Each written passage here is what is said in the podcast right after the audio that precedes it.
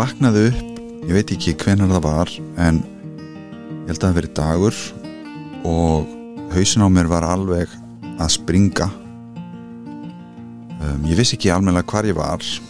Ég var bara í inn á svona einhverju stofu, stórri stofu. Svo satt maður við dyrnar. Og svo þegar ég ætlaði að byrja að tala þá gæti ég einhvern veginn ekki tala heldur og fekk svona skyndilega tilfinningunum bara að ég væri einhvern veginn handtekinn og búið að taka mig úr umferð og ég væri bara já um, það ætti einhvern veginn bara að ganga frá mér. Það var svona tilfinningin sem ég fekk einhvern veginn. Og ég byrja, byrja að reyna einhvern veginn að babla eitthvað og, og hugsanir eru óskýrar og, og, og þoklumæltur og maðurinn stendur upp og hérna þetta enda síðan með því að ég einhvern veginn kemst út úr rúminu grýp svona stól og dundur honum á gluggan af því ég ætlaði bara að hoppa út um gluggan um, veistu, veistu ekki hvað þú varst? ég vissi, ég gerði mér ekki grein fyrir því þegar ég vaknaði. Ég var í fyrsta skipti í raun og verið að sofa eitthvað meira heldur en bara einhvern hálftíma eða klukktíma í marga marga daga. Og um, mér hafði verið gefin liv uh, en ég áttaði mikið á því hvað var að gerast. Ég áttaði mikið á því hvar ég var um, og ég þurfti að kveikja á því. Það tók mér svolítið tíma og þá myndi ég setna þennan dag þegar búið var að, sagt, að, að sko, sprauta mig niður út af uh, uh, þessari árásum minni á gluggan hann brotnaði ekki, þú veist, þá sá ég líka sko, hann var, þetta var uh, svona örgisklir margfalt örgisklir á, á, á glugganum. Að hérna, ég gæti aldrei farið út um hann. En þú veist, þá komið inn og mér var haldið niðri og ég var sprautaði niður og uh, misti þá meðutund og, og vaknaði síðan eitthvað tíman held ég að vera um kvöldi bara eða setni part dagsins þetta var um, eitt af þremur skiptum þar sem þetta gerðist að ég sem sagt er nöðungavistaður eftir langvarandi sveflisi og við vorum að tala um sem og sem leysi einmitt í síðasta þætti af mm -hmm. geðslæginu mm -hmm. og þetta var þetta var uh, ágættis intro í þessum þætti. Uh, það sem múrt að lýsa algjöru sjórleysi í kjölfar hvað er það þá aðalega semleysi sem að tryggjari þennan bolta sem fór á stað? Já. Sko í uh, þessi tilvik þessi þrjú tilfelli að þá var alltaf sveppleysi sem að vara undanfari uh, innlagnarinnar á geðdild og um, þú veist og sveppleysið er aldrei í tómarúmi eins og við vorum að tala um síðast. Þetta eru þetta alltaf tengt þú veist því að svona reglan í lífunu er farin þú veist. Mataræði reyfingin maður er á valdi streitu og, og, og svona einhver óta og, og þú veist það er ómikið í gangi og allt það. En hérna þetta var svona um, það var ótrúleg tilfinning að missa svona algjörlega tökin. Um, og þetta gerist með sveppleysunni þannig að sko uh, það, það ein, einn af fylgifiskum sveppleysis er að raukhugsun hún víkur svona smám saman. Um, það, fyrst er þetta bara svona einbyttingaskortur og þú finnur svona já að, að um, þú átt erfiðara með að kannski framkvæma ákveðna hluti, þú átt erfiðara með að koma ákveðna hlutum í framkvæmt um, dagurinn e, verður svona e, einhvern veginn svolítið e, lausari allur í rey, reybónum eftir, eftir sveppleysi e, erfiðara að skipuleggja sig og, og svona. Og síðan þegar þetta heldur áfram um, að þá hérna og óreglan verður jafnvel meiri að þegar, þú veist, svo er þessi vítarhingur sko að eftir svefleysi til dæmis að þá uh, öskrar heilin og kolvetni. Það bara gerist eftir svefleysi og við erum hérna til dæmis með nammi skál fyrir framann okkur. Og það er akkurat af því að við uh, ég meina við vorum að ræða það síðast við höfum uh, eigum það samilegt að svona þessar vikurnar á mánuðina er sefnin ekki eins og hann á að vera. Og maður þarf að taka hann fyrstum tökum. Veist, þá er rosalega stutt í bara að tegja hendina í nammiskáluna þú veist. Já, og þá er þessi vítarhingur sko komin í gang og þú veist og þú, eitt af því fyrsta sem þú missir eftir mikið sveppleysi eða, eða langarandi sveppleysi er uh, orkan í reyfingu og síðan náttúrulega verra mataræði veldur síðan því að þú hefur ennþá minni orku og, veist, og svo er uh, uh, heilina öskra á kolvetni, þú veist uh, sigur, hraðbrennandi kolvetni, þú veist að kvöldi til það afturveldur söpturblunum og erfiðleikum við að sopna mm. og þannig verður þessi vítarhingur og þessi spíral að einhverju algjöru stjórnleysi smám saman og það gerðist hjá mér. En eins og núna og þetta nú ertu búin að lýsa því sem gerðist og hefur gerst fyrir því þrýsvarsinum uh, og ertu að tala um að, uh, að núna undanfanna vikur ertu að upplifa uh, erfileika með söfnin Farið, uh, og núna ertu meðvitar og þú hefur, hefur þessa reynslu. Mm. hvað gerist þá, hvað er eitthvað sem þú þarfst að þá virkilega pæli eitthvað sem þú þarfst að gera uh, til þess að spórna gegn því að, að, að sko að boltin fara að rúla og vítarhingurinn eigi sér stað aftur Já, ég þarf bara að vera mjög meðvitað um þetta með næringuna og reyfinguna það, sko reyfingin má aldrei vika þó ég verði svona einhvern veginn latur eftir að hafa sofið um, illa mm. að þá má, sko, það síðasta sem að færa vika undir þessum kringumstæðum er heimingin okay. og hún held ég sé algjör undirstaða þess að jú, maður hérna hafi kvartningun á þörfina fyrir að nærast vel og uh, reyfingin, hún krefst orku. Um, og maður getur ofta sko með reyfingunum til dæmis þegar maður fyrir ræktina maður veit alveg veist, hvað maður var að gera síðast þegar maður var í rektina, maður hefur mælikvarða hvað verið lifta síðast og hvað verið að hlaupa og svo framvegis og framvegis. Þannig að þú, það er svolítið auðvelt í gegnum rektina til dæmis átt að segja því hvort orkan manns er að fara niður eða hvort að hún er í lægi þannig að, að það er líka mjög mikilvægt ákveðin mælikvarði. Þannig að ég, ég passa upp á þetta. Já. og síðan auðvitað ef að það eru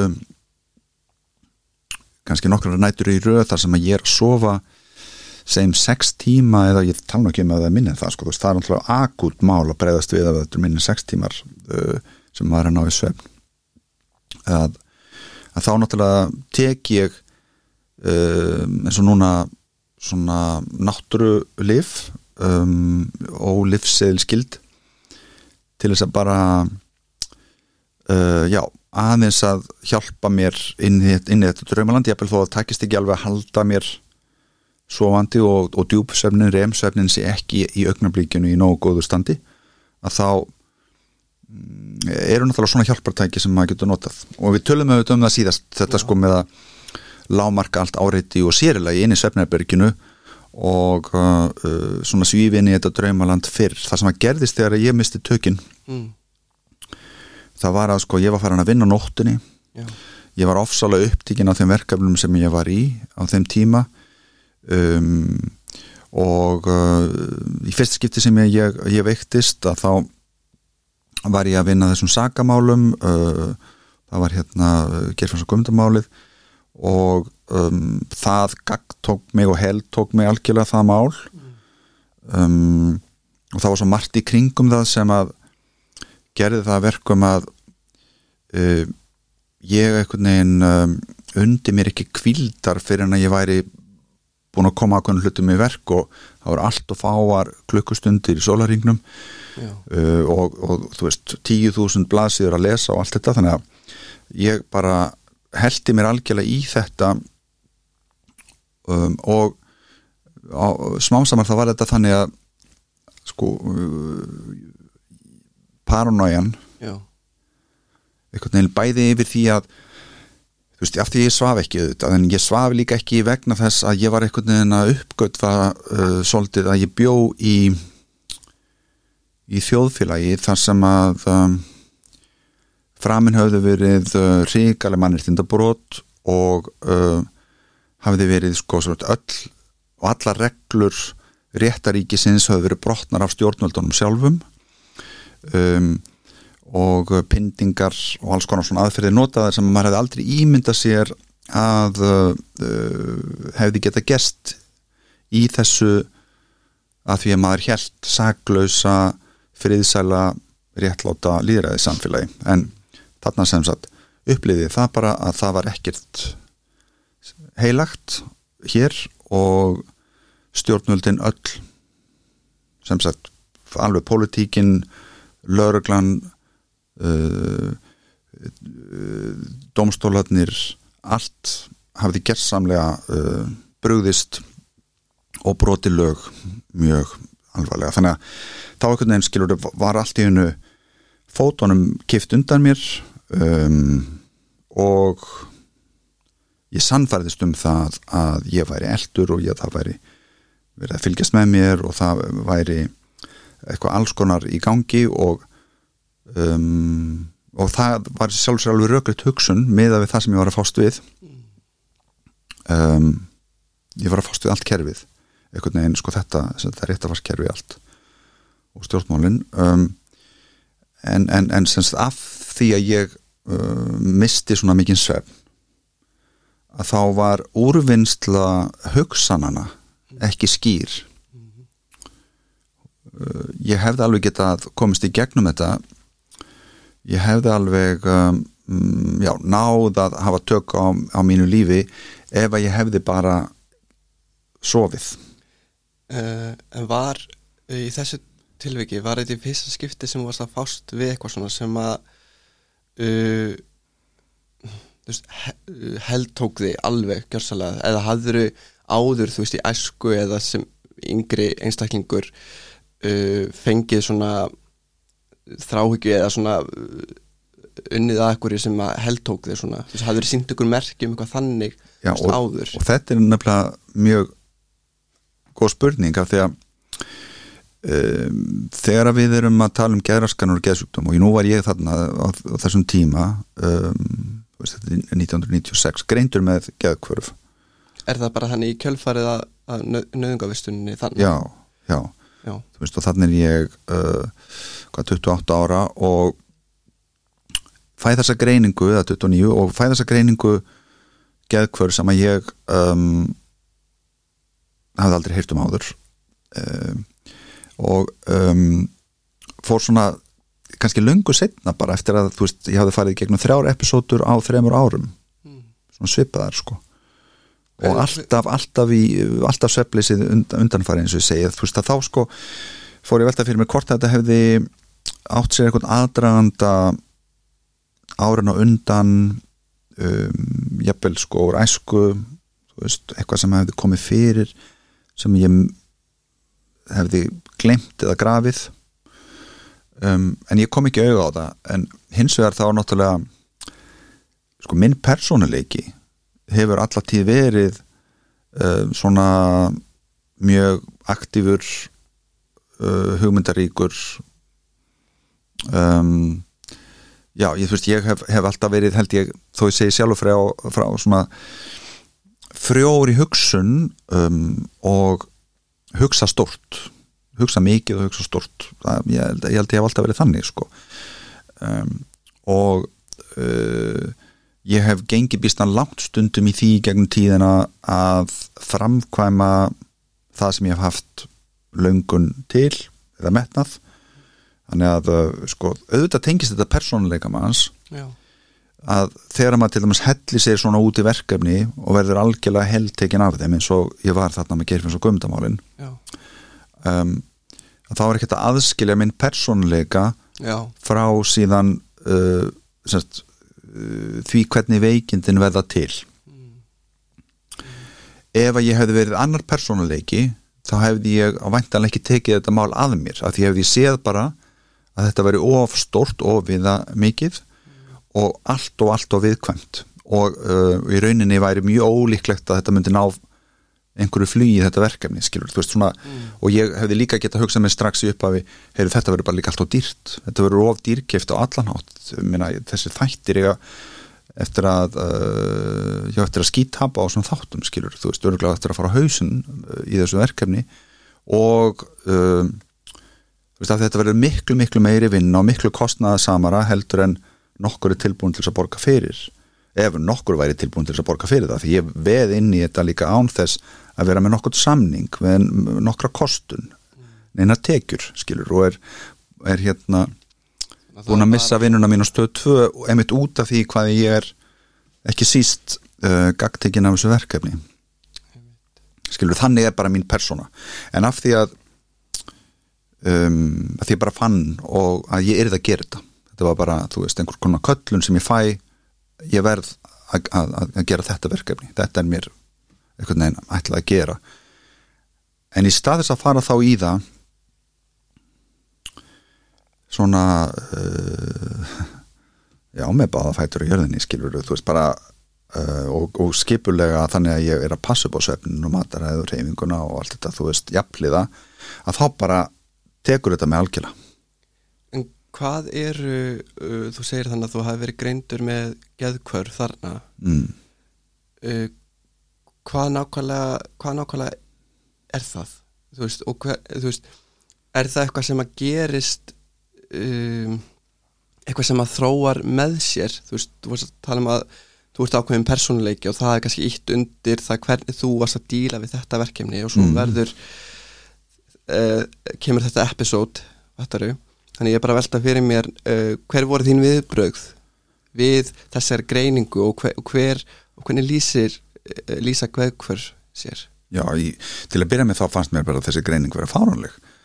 Vissur þú hvað geðhver voru? Nei, nei, ég vissi það ekki ég vissi, Mér fannst í raun og veru bara fáránlegt að ég væri með eitthvað geðsjúkdóm. Að því að sko fyrir mér þá var bara uh, Ísland bara á þeim tíma skilur eitthvað neginn og allt það sem hafði gest og ég hafði eitthvað neginn orðið áskinni gegnum þessa vinnu síndi mér það bara að þetta land væri helsjúkt allt kerfið væri helsjúkt. Og, og ég upplifaði þannig veist, ég væri svo einu sem sæði það. Þannig að þú veist þegar ég sé hann komin þarna að þá náttúrulega er það bara mm, já, kerfið vann þú veist. Uh, þeir eru búin að koma mér hingað sko. Og svo fæ ég skilur eitthvað skjál frá dónsmálaráðanitinu sem að staðfyrstir nöðungavistun mína og skilur þú veist og undirritað af einhverjum ráðaniti stjóra þar og, og, og þú veist og ég hef búin að vera náttúrulega eiga við þetta saman dónsmálaráðaniti þannig að um, fyrir mér þá var þetta bara stafsting á, á því. Þannig að samsæriskenningarnar sko þær eru inni taka við þarna og, og, sko uh, þetta verður allt saman að skilur þau bara einhverju, einhverju brjálaðri sakamála serju líf mitt breytist í það. Um, það sem að ég er allt í hennu bara þú veist orðin komið með eitthvað hlutverk orðin einhver fígúra í einhverju bara æsilegri uh, atbyrðarás þannig upplifið það. Já, í, þínum í, þi- í þinni upplifun í mm, þínum huga. já, þú veist, og svo var bara búið að taka mig á leik þarna. Og bara, þú veist húrra fyrir þeim, sko. Já, en, en og, og þú veist um, þú veist, þannig að þegar, ég heyri að, uh, og mér er sagt, þú veist, þú ert með geðkvör og svo kemur einhver geðlagnir innskilur uh, og með einhverja kandidata lampátu eftir sér, þú veist, allir í hvítum sloppum og það er búið að sprauta mig þarna niður og þessi episóda búin að eiga sér stað þar sem ég er að reyna að brjótast út. Mm. að hérna þá er það bara fyrir mér á þeim tíma skilur bara partur af sjóunu og, og, og, og ég er bara þarna ég þarf einhvern veginn að hugsa bara hvernig lifi ég þetta af? Um, hvernig læti það ekki gerast? Ég sé brotin algjörlega niður í af þessu sístemi sem er að reyna að stoppa það að sannleikurinn kom í ljós um þessi sakamál öll. Þannig var hugsanagangurinn minn. Og svona þegar að öllur á botnin kvólt og það sem við vitum núna um það sem að væri í gangi í þessu þjóðfélagi þá var það í sjálf sér ekkert algjörlega galin hugsun. Um, en, en hún náttúrulega fór allt og langt og, og einmitt út af svefleysinu að þá þá sko náði ég ekki alltaf að tengja saman alla punktana. Vist, smá sem hann gerist það með svefleysuna það er bara þessi rökhugsun eins og ég segi skinsimin, yfirvegunin þetta þú veist að bregðast líka yfirvegað við ákveðnum aðstæðum ákveðnum uh, samskiptum upplýsingum að þetta víkur ef að maður passar ekki på svefnin En hvað gerði svo í kjölfarið, þú veist, þú farið þessa greiningu og þú veist og þú, og því að fyrst þetta er bara absúr til að byrja með, en, en þú svo vantarlega hefur gerst eitthvað ferli, ég meina, þú vantarlega þurft að vinna þig gegnum það einhvern veginn með hjálp uh, geðlækna eða sálfræðinga eða hvernig sem það er. Já, en, en eins og þarna í byrjun sko er algjör trúnaðabrestur og líka eftir ég fer út af getilinni, þú veist, þá er ég ennþá alveg alveg ákveðin í því að þetta hafi verið partur af plottinu um, og ég fer í leikritið skilur þú veist, að vera vera uh, litli góði strákurinn skilur sem að uh, samþykir allt til þess að fá að fara út að labba Mm. Var uh, uh, allt þetta, var þetta uh, eitthvað út á við í samfélaginu, var fjallað um þetta? Og þeim, þetta mál, uh, þetta verkinu var alltaf risastórt stórt á sínum tíma en þetta var þitt mál, var það eitthvað sem náði út í samfélagsins? Nei, ekki náttúrulega þessum tíma. Ég fór strax til bandaríkjana eftir að ég losnaði af getdeildinu uh, og ég var þar sem sagt í mm, ætla ekki verið í einn og hálfa mánuð í, í Austin í Texas. Um, og hérna um, já sko þegar ég kem aftur heim að þá um, er allt búið að róast. Ég er sjálfur búin að róast. Um, reyndar sko hluti af þessum trúnaðabresti sem að var á milli mín uh, og uh, geðlæknisinn sem átti að vera með mig var það að ég var á svo stórum lífjakoktil að ég fekk alveg heiftalega aukaverkanir. Og það voru þarna ákveðin liv sérstaklega eitt sem að gera það verkum bara þú veist, ég er svona titrað og skalv og átti ofslega erfitt með að reyfa mig og var bara mjög svona bara eins og zombie skilur og þetta voru svona þessi dæmigerðu einhvern veginn þetta dæmigerða lúk og dæmigerða hegðun og reyfing sem ég hafði séð á geðsjúklingum. Og þá áttaði mig á því smán saman heyrðu þú veist þessi svona dæmigerði geðsjúklingar sem bara eru í þessum ofslega hægu svona zombie reyfingum og eitthvað þú veist og titra og skjálfa og svona það hefur ekkert að gera með þá í rauninni það hefur allt að gera með lifin. Já, og þá fattaði bara því að ég var í, í veist, ég var ekki Ísland hefur alltaf hrósað sér því að frá 1930 að hafa bannað allar spennitreyjur fyrst landa Európu á Gessugróhúsum en Ísland hefur hins vegar verið miklu livja gladara heldur en önnur Európulönd og þannig að sko spennitreyjan hér hefur verið liv já, og þarna var sem sagt um, ég í, í þessu. Þannig að ég vissi ekki hvað var hvað af þessum lífjakoktel sem ég var og fór með mér til bandarækjana þannig ég styrta öllu niður öllu lífum Já. bara á einu bretti bara, ég sagði bara þegar ég tek ekki þátt í þessu leikriti og þá fann ég bara á innan við sólaring þá kom ég tilbaka. Og, veginn og, og hætti að titra og skjálfa og, og, og verið í þessari vanlíðan. Og hérna og síðan var ég bara ekki neinu livjum mánuðina þar á eftir. Uh, kláraði síðan myndirnar um vorið með mínum félögum.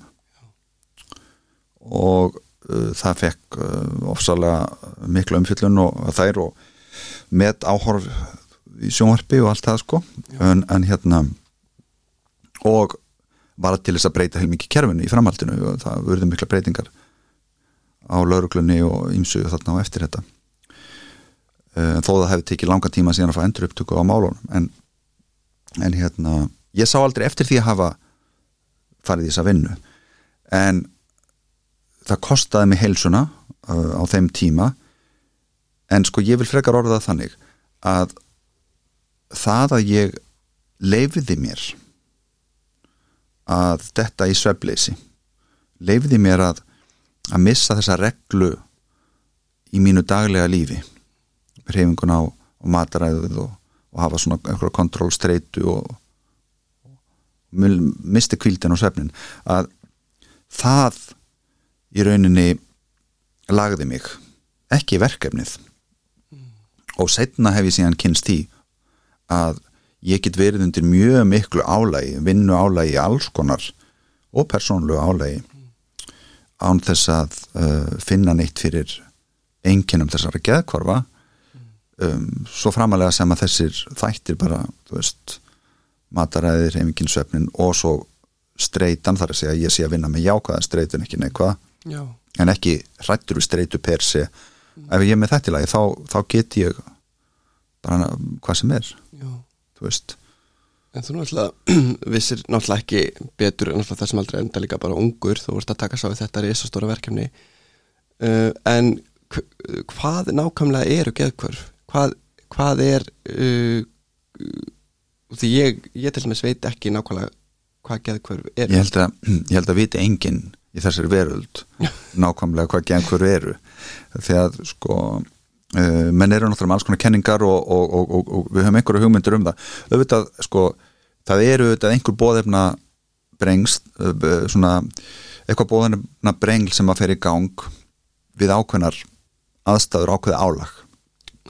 Og um, sko því ég er haldið fram og nú veit ég ekkert hvað er til í því. Ég held að það sé ekkert sannað í þessu. En það er því ég er haldið fram að, að sko það sé, það sé sko geðkvöru sé algengar í tilteknum fjölskyldum heldur en öðrum. Og alveg það sama sé með þunglindi og kvíðaraskanir og, og, og, og hérna og geðklófasjúkdóm um, það sé meira í sumum fjölskyldum en öðrum og sé að þar að leiðandi á einhvern hátt eitthvað genetíst uh, díkót eða sem stíllensk erðagreining var á tímabili með einhverja hugmyndir um að finna geðklóagenið og finna þessi gen sko geð, geðvíkugen og auðvitað fundust þau ekki og þau er aldrei eftir að finnast því að þetta eru auðvitað miklu miklu flokknara mál heldur en nokkuð um að það þetta hefur, ég held að það sem að snýra fjölskyldum uh, sé miklu fyrir engar persónuleika bundið. Já. til dæmis það eru nokkrir í mínu fjölskyldu sem hafa ekki nær fjölskyldunni enginn er nær fjölskyldunni sem er fengið geðkvörf nema ég er einu svona í fjær fjölskyldunni þegar ég skoða svona svolítið fjarskildari frændur og frængur þá hafa geðkvörf eða svona geðkvarfa enginni dúkkað upp alveg klárulega sumstaðar en þegar maður skoða sér innan persónuleikana Já. að þá sko er þetta fólk sem að eru rítufundarskáld svona skapandi fólk alls konar um, fólk sem að soldið hefur á sinn hátt verið að fara leiðir í lífinu eins og ég hef verið að gera. Já. kannski svona soldið út af brautinu stundum, þú veist. Já. og hérna hafa þá bara valið sér það einhvern veginn um, út frá karakter. Þannig að hvað er hvað, við vitum það ekki. Um, við vitum hins vegar sko að, að það er allt sem að bendi til þess að ákveðin steinefni ákveðin málmsöld virðast balansera uh, hugan og kannski svona slá á um, svona viltustu hugsanirnar skulum við segja. Um, og, um, og það er í raun og verið bara sama efnið og er í GSM sim það er uh, lithium Já. þannig að hérna þetta er aðalega tekið úr uh, tilteknum námum í Tíli um, og, og reyndir að finnast líka í Afriku og hérna uh, er mjög dýrmætt sérstaklega út af náttúrulega núna uh, snjálfsímanum Já. en uh, uh, ég tek svona töflur í bara sem minnsta skamt Já. uh, allra minnsta skamt og Daglega þá eða Já, eina, eina mótni, eina kvöldi og, og það er svona uh, já, balanserar mína hugsun Mhm. getur við sagt sko. ég, og ég held að já, þetta, þetta af einhverjum ástæðum að þá, þá virkar þetta í, þannig sko. En er þá hægt að, þú veist, já, er hægt að hugsa þannig að, að geðkur getur komið fram veist uh, uh, bara við ákveðnar aðstæður og, og þú sjá kannski frekar hjá ákveðnum persónuleikum frekar en öðrum já þetta er yfirleitt álags tengt mm. og sveflýsist tengt alveg klárlega, það er engin spurning um það Mm. um, það er líka auðvitað þannig að þú veist að þegar að hugsanirnar uh, fara á mikið flug að þá svona sjálfkrafa víkur svefnin af því að það verður ekki nógu mikið pláss fyrir svefnin við þær aðstæður. Já, en þú finnur þetta sjálfur veist, Já, já. það bara uh, þannig að, að hérna um, ég auglúslega út af minni sögu þarf að passa betur upp á þetta. Þess vegna núna þarf ég að um, taka svefnin mjög föstum tökum.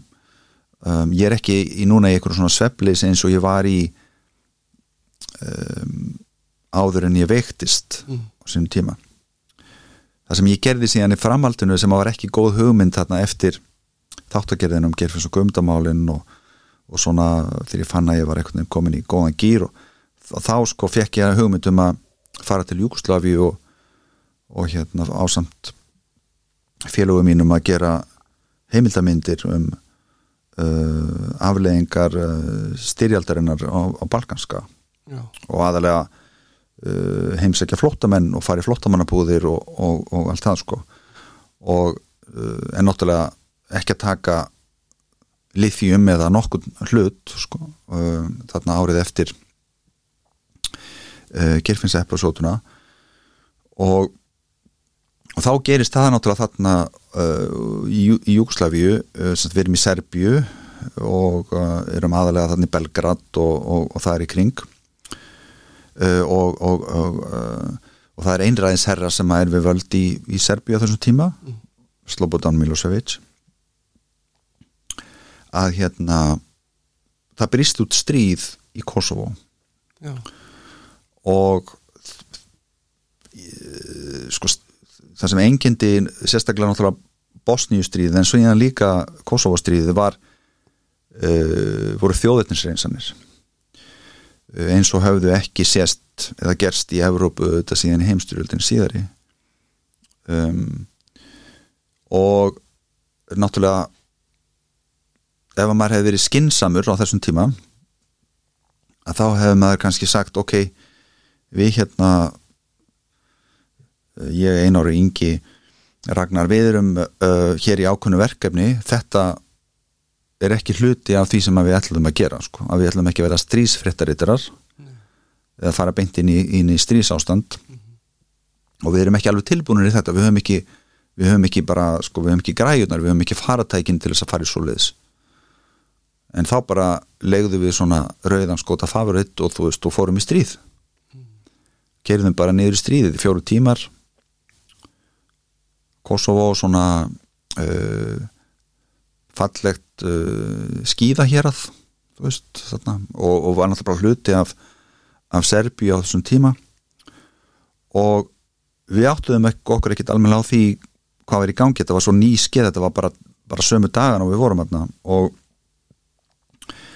uh, og þá keirum við inn í sem sagt um, bara ástand þar sem að uh, var bara verið að þurka út uh, heilu þorpin uh, jafna við jörðu heilu þorpin og drepa alla kallminn þorpunum og, og hérna alltaf karlmenn?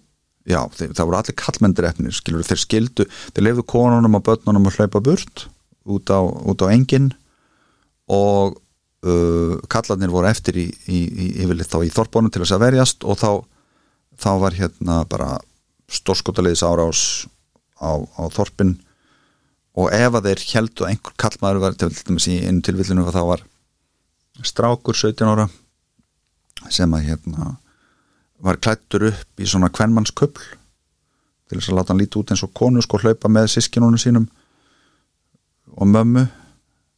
Meðan eldri bræðurnir og pappi voru eftir í húsinu.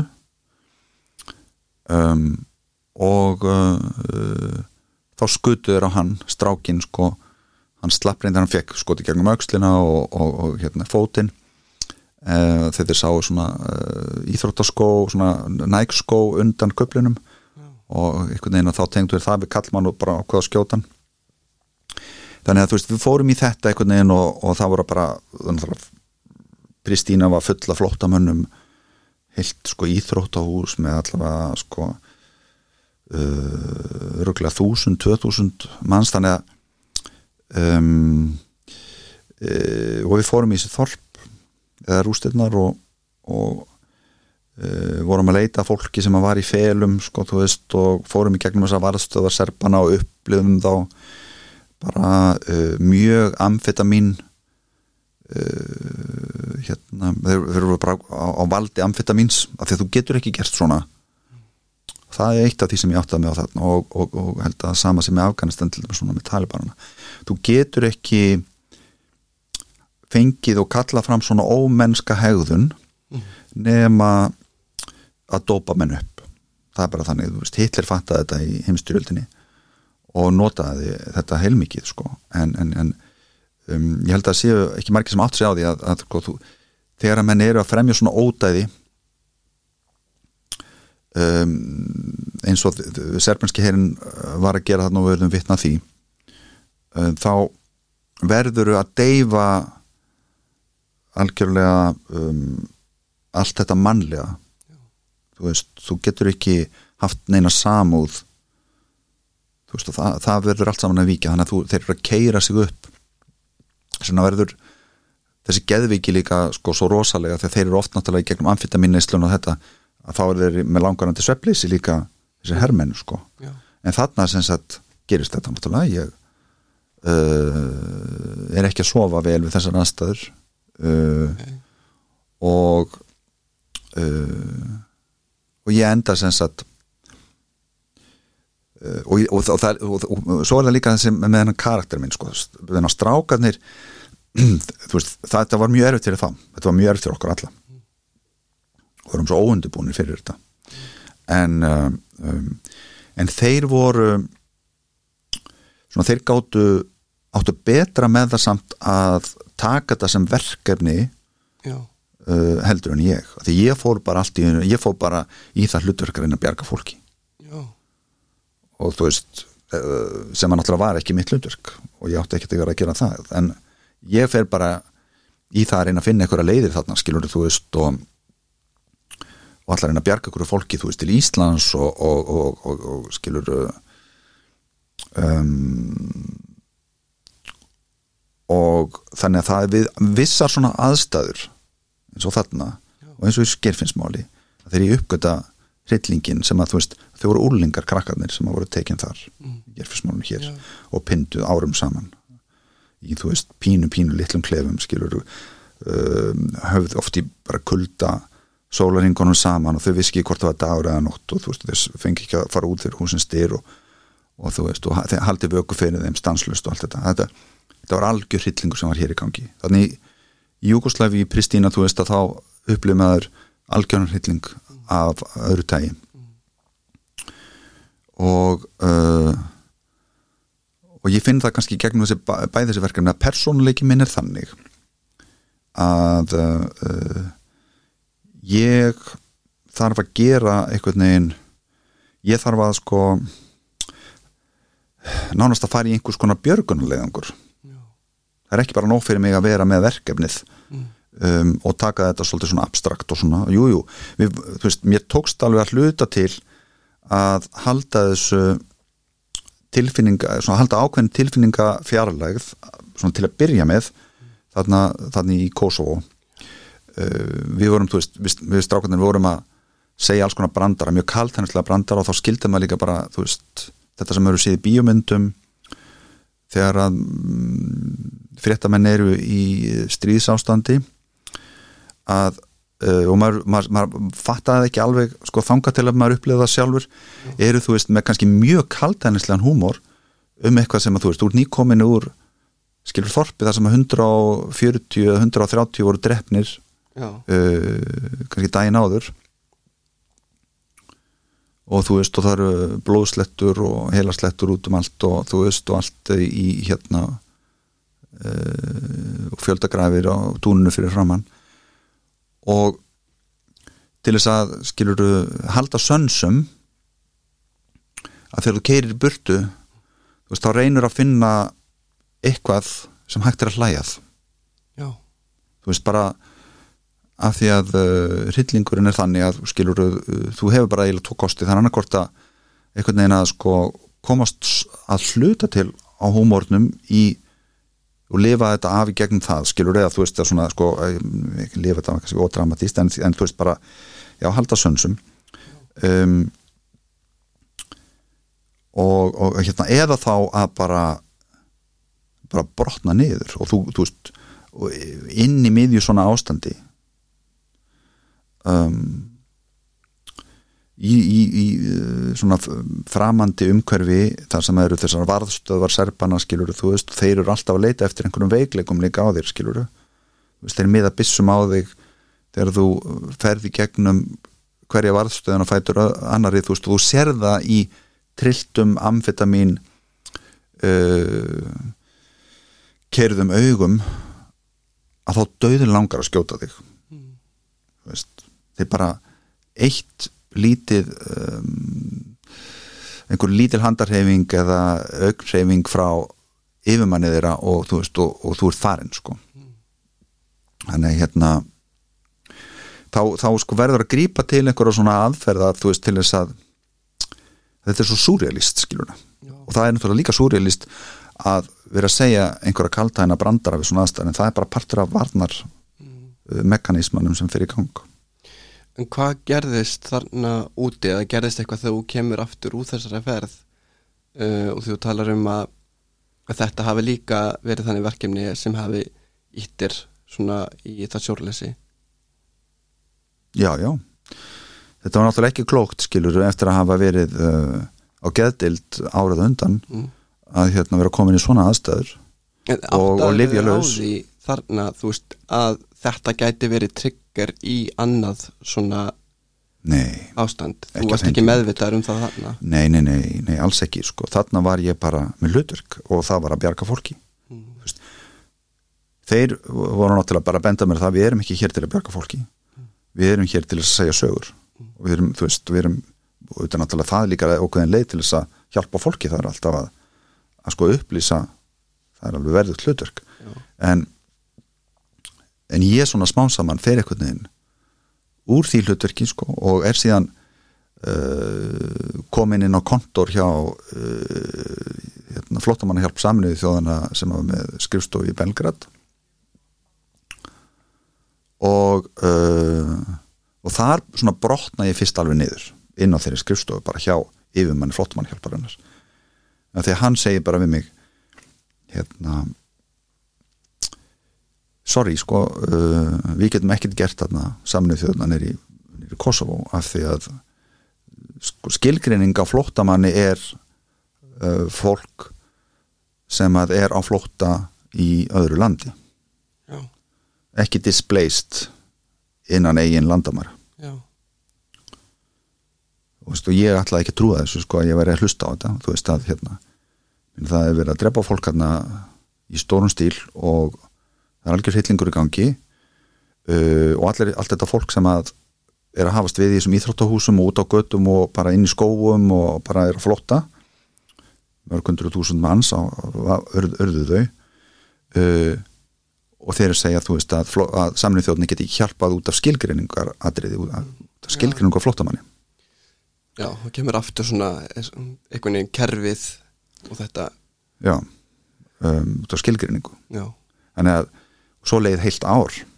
Áður en í rauninni alþjóðasamfélagi brást við og það var þá NATO sem að hérna, og það tók heilt, heilt ár og það var já, það var eins og það var. Ég held aldrei að ég myndi fagna loftárásum en ég gerði það. Þarna árið eftir. En sem sagt þannig að ég er komin í svona eitthvað uh, vonlausan uh, björgunulegangur og svo finn ég bara að hugsanleitum minn er orðan þannig einhvern veginn að þetta tengist líka því sko að þarna byrjar uh, þessi hugsun um hlutverk mitt sem sko einhvers frelsara. Og það er auðvitað þannig með, með geðkvörfin sérstaklega að þegar að fólk fer yfir ákveði stíðu geðkvörfunum að þá fer fólk oft inn í einhverja svona trúarlega reynslu trúarlegar upplifanir.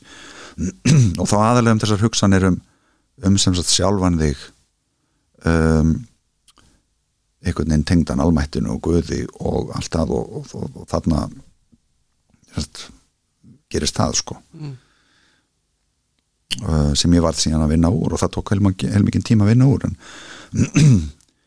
um, að því að svona trúarmanjur uh, eru, eru mjög algengar í hjá fólki sem er með geðkvörf Já, og ekki bara fólki með geðkvörf, það eru þetta með fólk með kannski aðrar um, já, greiningar og, og, og, og er að fara ekki gegnum annað en, og ég meina það fólk þarf ekki að vera með einar greiningar til þess að vera með alvarlega trúarmanni, við sjáum það nú í bara kringum okkur í alls konar Já, já, já. trúfélögum sko.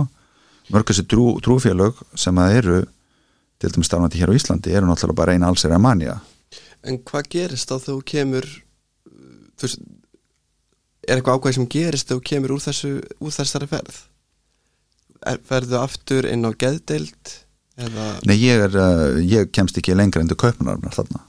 Þannig ég lendi inn, kaup, inn í kaupunarfn og kynist þar sem þessum, þessum aðferðum uh, þar skilur eru bundi niður á höndum og fótum. Það er ekki svo mikið verið að nota það lengur en, en ég var svona að nota þú veist það var svona sver magaól og, og svo var ég með ólar á höndum og fótum og bundi niður að því ég vildi komast út. Mm. um, hver, hver var aðdraðendan að því hann að úti í köpun e, sko ég var í rauninni bara sko e, strákarnir haldi áfram til Íslands. Mm. og þeir alveg tók eftir því ég var orðin mjög ör. Og, og að fannst ég vera væntanlega. já, búin að sofa lítið. Og hérna dagan á undan, bara ég held ekki neitt hérna í Belgrad eftir ég kom frá Kosovo og uh, þeir halda áfram til Íslands ég uh, fer inn í Kaupmannahöfn og það er daginn sem að ég uh, tekka mig inn á hótelið í Kolbjörnsen skaði eða Kolbjörn skaði þarna rétt hjá Ístegadi þá eru serbar að halda svona útifundi stuðnings Slobodan Milosevic Já. og það vil svo vel til að ég er hérna lappandi um og, og lappi inn í þennan útifund Mm. og ég svona ákveð það að láta til mér taka á fundinum. Já, já, láta þá vita þessa serba þetta uh, þjóðutni sinna uh, hvað sé raunverulega um að vera. Og uh, ég er komin upp á sviðið. Já, já. Ég verð ekki að minna. Þannig að skilur uh, þá er maður komin náttúrulega í, í þetta ofleiti sko að hérna að það vantar dómgreindina og ég er að sigla alveg hraðbyrri inn í uh, maníu, manist ástand skilur mm. og sveflið heldur áfram í köpnum Mm. uh, serbarnir, þú veist, bara ríðust á mig og, og skilur hendi mér á sviðinu og þú veist, þetta var bara sena náttúrulega Mm. og svo er þetta einhverju tveir mm, þrjú sólarhingar þar sem ég er bara í sveflisi og á nóttinni er ég bara fer ég bara að lappa um borgina þú veist, og ég er allt innu þá samfæður um það, þú veist að að serbarnir sem ég byrjar að njósna mig einhvern veginn og, og, og, og, þú veist, og ég fer bara inn í einmitt svona bíómynda heim annan, já, aftur sko. Já, og þú veist og, og svo enda þetta bara því skilur þú veist að þarna einu nóttina þá er ég komin inn í eitthvað kampaðinsklub Mm.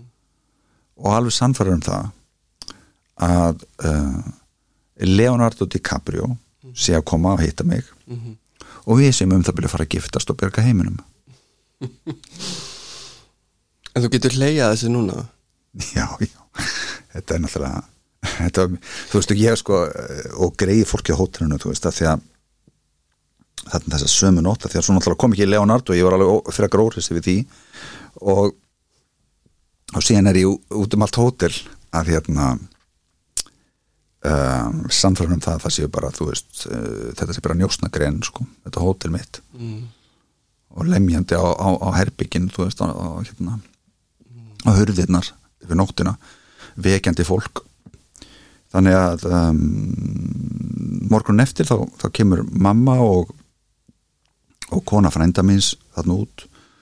Og þá er sérst búið að ringja heim og uh, láta vita því að þetta það sé bara, ég sé bara búin að skapa þarna ófremdar ástand. Og hérna þannig að uh, ég er bara handikinn og, og fluttur á þetta sjúkrahús. Það var sko handakan og allt það var, ég fór alveg inn í bílinn og, og það var allt með róliheitum sko. En en uh, uh, svo þegar ég kem þarna á þetta víðofri gæsugrúhúsa þá ég sprautaði niður í inganginum um, og uh, vakna upp í rúmi inn í einhverju svona fyrir eitthvað ókræsilugu uh, herbyrgi og finnst þetta mjög förðulegt þú veist, þér að gæjast út um dittnar og inngangin og ég sé þú veist, eitthvað förðulegt fólk þar sem er eitthvað rópandi og ég bara hugsa, ég, nei, ég ætla ekki að vera hér. Og svo reyni ég að opna hörðina svona, á endanum á ganginum uh, sem að lá einhvern veginn úti í garð og þá sé ég náttúrulega bara það er allt sem hann har læst þannig að þá greipi til þess að og ég hafði gert á Íslandi árið áður. Já. að reyna að brjótast út með, með uh, stól brjóta klukkan og þá eru svona uh, fjóri starfsmenn bara komnir á mig og ég sprauti þar aftur og vakna þá upp í þessum ólum sem ég væri hafiður í, í um, sennilega svona tvo sólarhinga eitthvað svoleiðis uh, og hérna þau sprautuði mig livjum og uh, um, ég var ekki að lifta að fara á salirni og, og hérna svona bara þetta var um, þetta var, það var sennilega um, því ég var sko ég var viss um að ég, er, ég myndi degi þessum ólum Já. ég var alveg búin að einhvern veginn að uh, fatta það fannst mér að þarna er ég drefin sko, það tókst ekki að einhvern veginn að drepa mig á Íslandi og þarna er þetta séðum þetta. Og og hérna ég skilin eftir sko glukkutímum saman bara í liggjandi svona í þessu ólum. Mhm. um, og þú veist það fyrst þegar ég var svona, þú veist bara kalla og öskra og svo byrja ég eitthvað um nóttina þá hugsa ég inn ég verða ég verða að hrópa á einhverja hjálp ég verða að fá einhvern til að hjálpa mér. Já. Og þá byrja ég að hrópa þú veist og kalla og, og, og, og hérna og vegalla Mhm. á deildinni. Og ég svo, svo heyri ég bara hvernig sjúklingarnir eru einn af öðrum að og þá var ég ekkert ennþá búin að fatta það að ég var á gesugrós ég, ég hugsaði frekar að ég veri eins og í einhverjum fangabúðum í Pólandi fyrir mér þá var þetta bara ég, veri, ég er einhverjum útrýmingabúðum þetta er eitthvað, er eitthvað undarlegt hérna. þetta er, getur ekki verið sjúkrós og og, þau, og ég heyri lætin í, í, í sjúklingunum fyrir utan og, og svo er starfsmenn að reyna að róa, róa þá og, og það er greinilega heilmikið uppistand þarna á ganginum. Og ég er hrópandi, hrópandi þú veist og, og, og eftir, eftir hjálp og að einhver komið þú veist og losið mig úr þessum ólum og, og eitthvað svona. Og hérna og svo uh, róast allt frammi. Og þau koma alveg brjáluð inn sko uh, sprauta mig strax. Og hérna já þannig að þú veist um, þetta var svona þetta var eitthvað sem að tók alveg heilmikinn tíma fyrir mig að vinna úr. En að því að við vorum að tala um sko aðdragandan Já. og það allt saman að þá aftur segi ég þetta sko. Ég held að jafnvel þó að þessar hörmungar og þessir hillingur í Kosovo ég hefði upplifað hann ef að ég hefði passað upp á svefnin Já. á þessu sama tímabili og verið meðvitaður um hættuna því að það að missa svefndögum nótt, nótt eftir nótt Mm. myndi veikja mig og veikja mitt mótstöði afl og mína skinnsemi og, og allt þetta rökhugsun það mikið að ég ætti verulega mikið á hættu að veikjast ef ég hefði átt að með á þessu þarna þá, þá hefði ég geta komist í gegnum þetta. Ég trúi því. En, en þarna sagt fór náttúrulega allt í, í allt í steik sko, ég man ekki ég held ég hef ég held ég hef ekkert borðað þessa daga. Nei. heldur sko. Þannig úti, meinar við Nei, sko, eftir að ég kem til köpmunar ég Já, já, já, já held að strákarnir hafi séð um það til dæmis að ég, ég borðaði, þú veist, þarna í Belgrad og sko, eftir Kosovo en en eftir ég kem, kem til köpnar þá held ég að kannski einu sinni eh, man ekki eftir að hafa borðað þar sko. En uh, hefur það verið í eins konar bara þegar þú varst komin að til köpun bara í eins konar bara mannisku ástandi eða bara já, já, já, ég sko er alveg klárlega komin sko yfir strikið þar, Já. strax Yfir ég bara strikið. man, já, ég man alveg að sko, ég man alveg að hérna eftir ég fer af hótelinu þarna fyrst og á þennan uh, útifund serpana á ráðhústorkinu ég man bara sko hvernig það blossaði upp í mér um, reyðin svona við, það að um, sjá myndirnar allar af, af Milosevic þessum manni sem var á sama tíma fyrirskipa þjóðninsreinsanirnar sem við höfðum verið vitni að Uh, dögum áður einmitt. Mm. þannig að þú veist, við veitum náttúrulega þarf ekki til þess að sko, varandi þeirra geðkvör hans vegar, það þarf ekki svona mikla dramatík til þess að skapa geðkvörf uh, eða til þess að einhvern veginn að trikkara þau. Auðvitað getur það gest á alls konar hátt en það, ég held að það sé samt sammert með öllum þeim sem að fara í gegnum þessa reynslu. Uh, sveflýsi Já. svona mikla sveftrublanir sem aðdraðanda að episódunum það er alveg ég held að það sé eiginlega útiloka annað. Svona það getur aðstæður bara verið uh, ólíkar og, já, já, og sko og og, að sjálfsögðu. akkurat, og eins og við fjöllum um mér og verið fyrsta eða þættinum að, að áföll eru náttúrulega alls konar þú veist, það sem að áfalli sem þú í gegnum er allt öðruvísildur en áfalli sem ég fór í gegnum.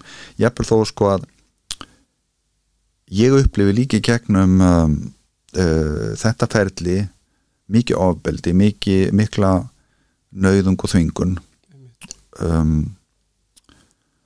uh, og svona þarna í, í köpunum þá eiginlega var þetta svolítil pinding líka sko. Að, uh, og þetta er auðvitað áfall en um, ég held að af því að við töluðum með fyrirgefninguna já, í öðrum þættinum þá held ég verið að segja það líka að það sem hefur hjálpað mér í gegnum þetta og uh, svona að um, já bara halda heilsu og um, nýta þetta sem styrk það sem hefur komið fyrir mig en ekki sem veikleika. Og horfa á það þannig. Það sé einmitt fyrirgefningin. Ég held að þú veist geðlagnir er minn fyrsti, hann lauga mér. Hann uh, sagði þú ert bara svona veikur þess vegna ertu að titra svona og skjálfa og áttu erfitt með að sitja og standa og vera bara, þú veist, það er að því að þú ert svo veikur. Þú ert bara svo geðveikur. Ég komst að því að það var ekki þannig. Skilur þetta voru lifin um, það tók mér langa tíma fyrir ekki honum það. Vegna þess að ef hann hefði verið algjörlega hreinskilin við mig og ef hann hefði unni vinnuna sína eins og hann átt að gera þá hefði ég kannski haldið áfram á því lifi sem að hefði stabiliserað mig við svona aðstæður. Lithium. Og svo er ákveðið afbryða því sem heitir Litarex og ég tek svo leiðis í dag.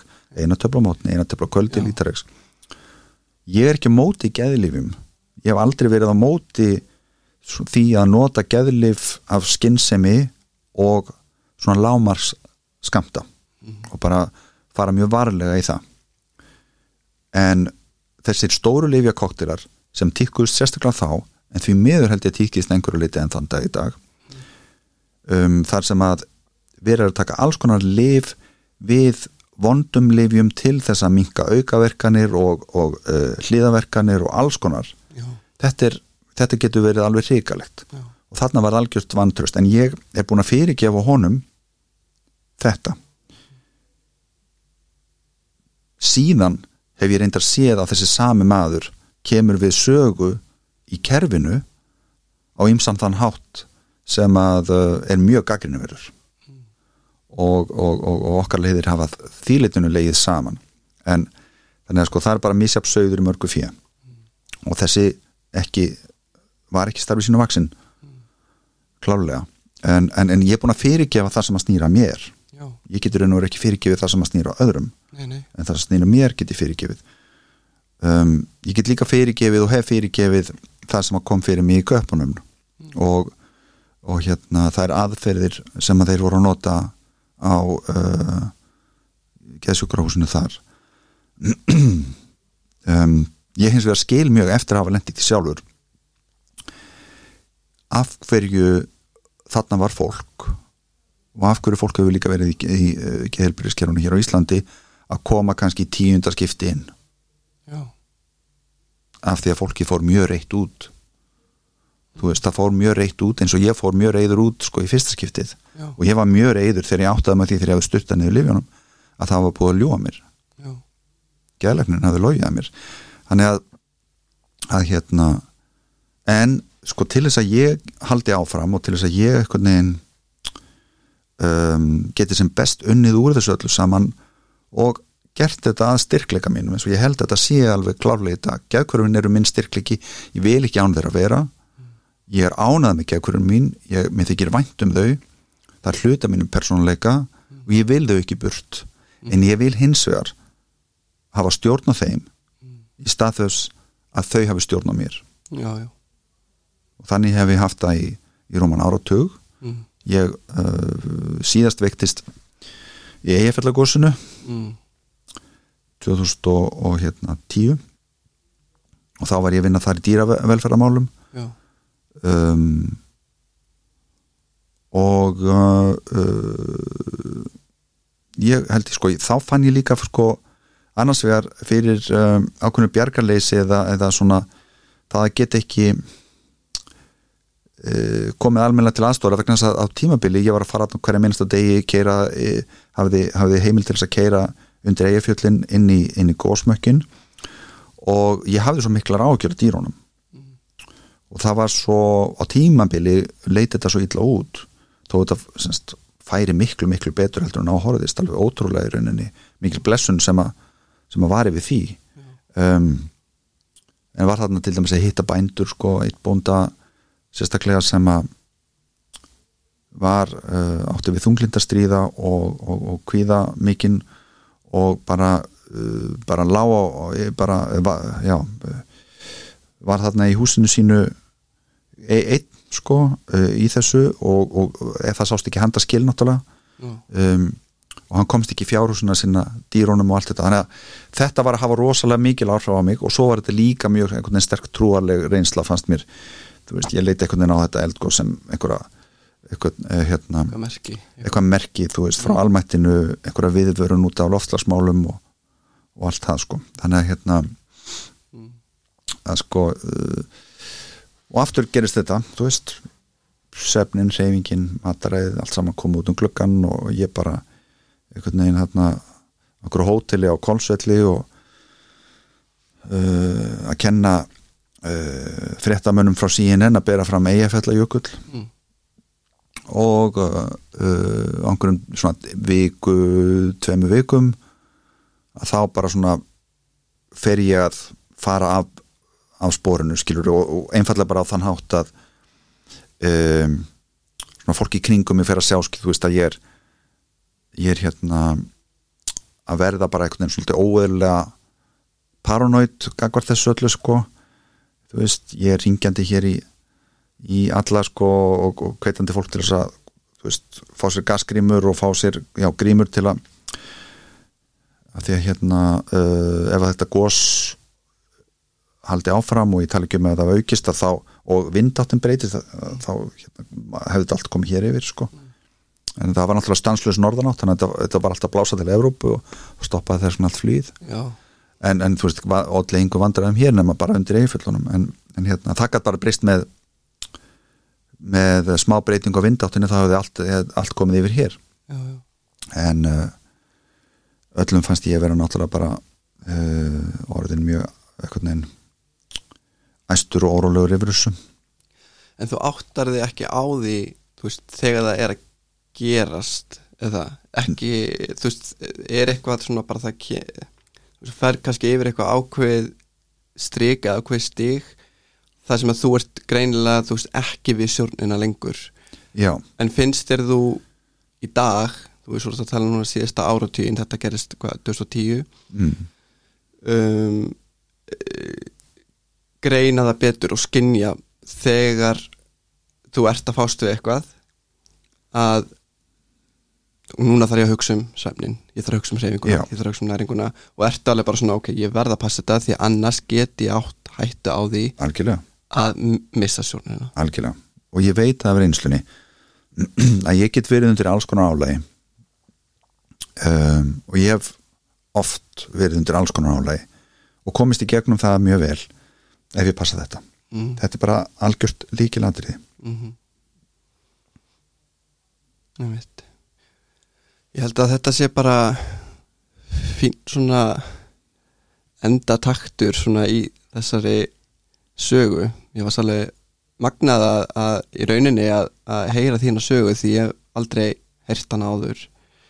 Og ég veit að hún er miklu ítalegri heldur en þessi yfirferða sjálfsögu um, og mér finnst kannski það svona mikilvægast að kannski fyrir uh, þá sem er að hlusta einmitt bara er, er þessi mikilvæg skilabóð um einhvern veginn að í rauninu bara hugsa vel um sjálfa sig og, og þetta út af því, uh, út af því að boltin getur fara að rúlla svo auðvitlega og það þarf ekki einu svona að vera þú komum að sinna á þann að, að maður sé með eitthvað greiningu sko.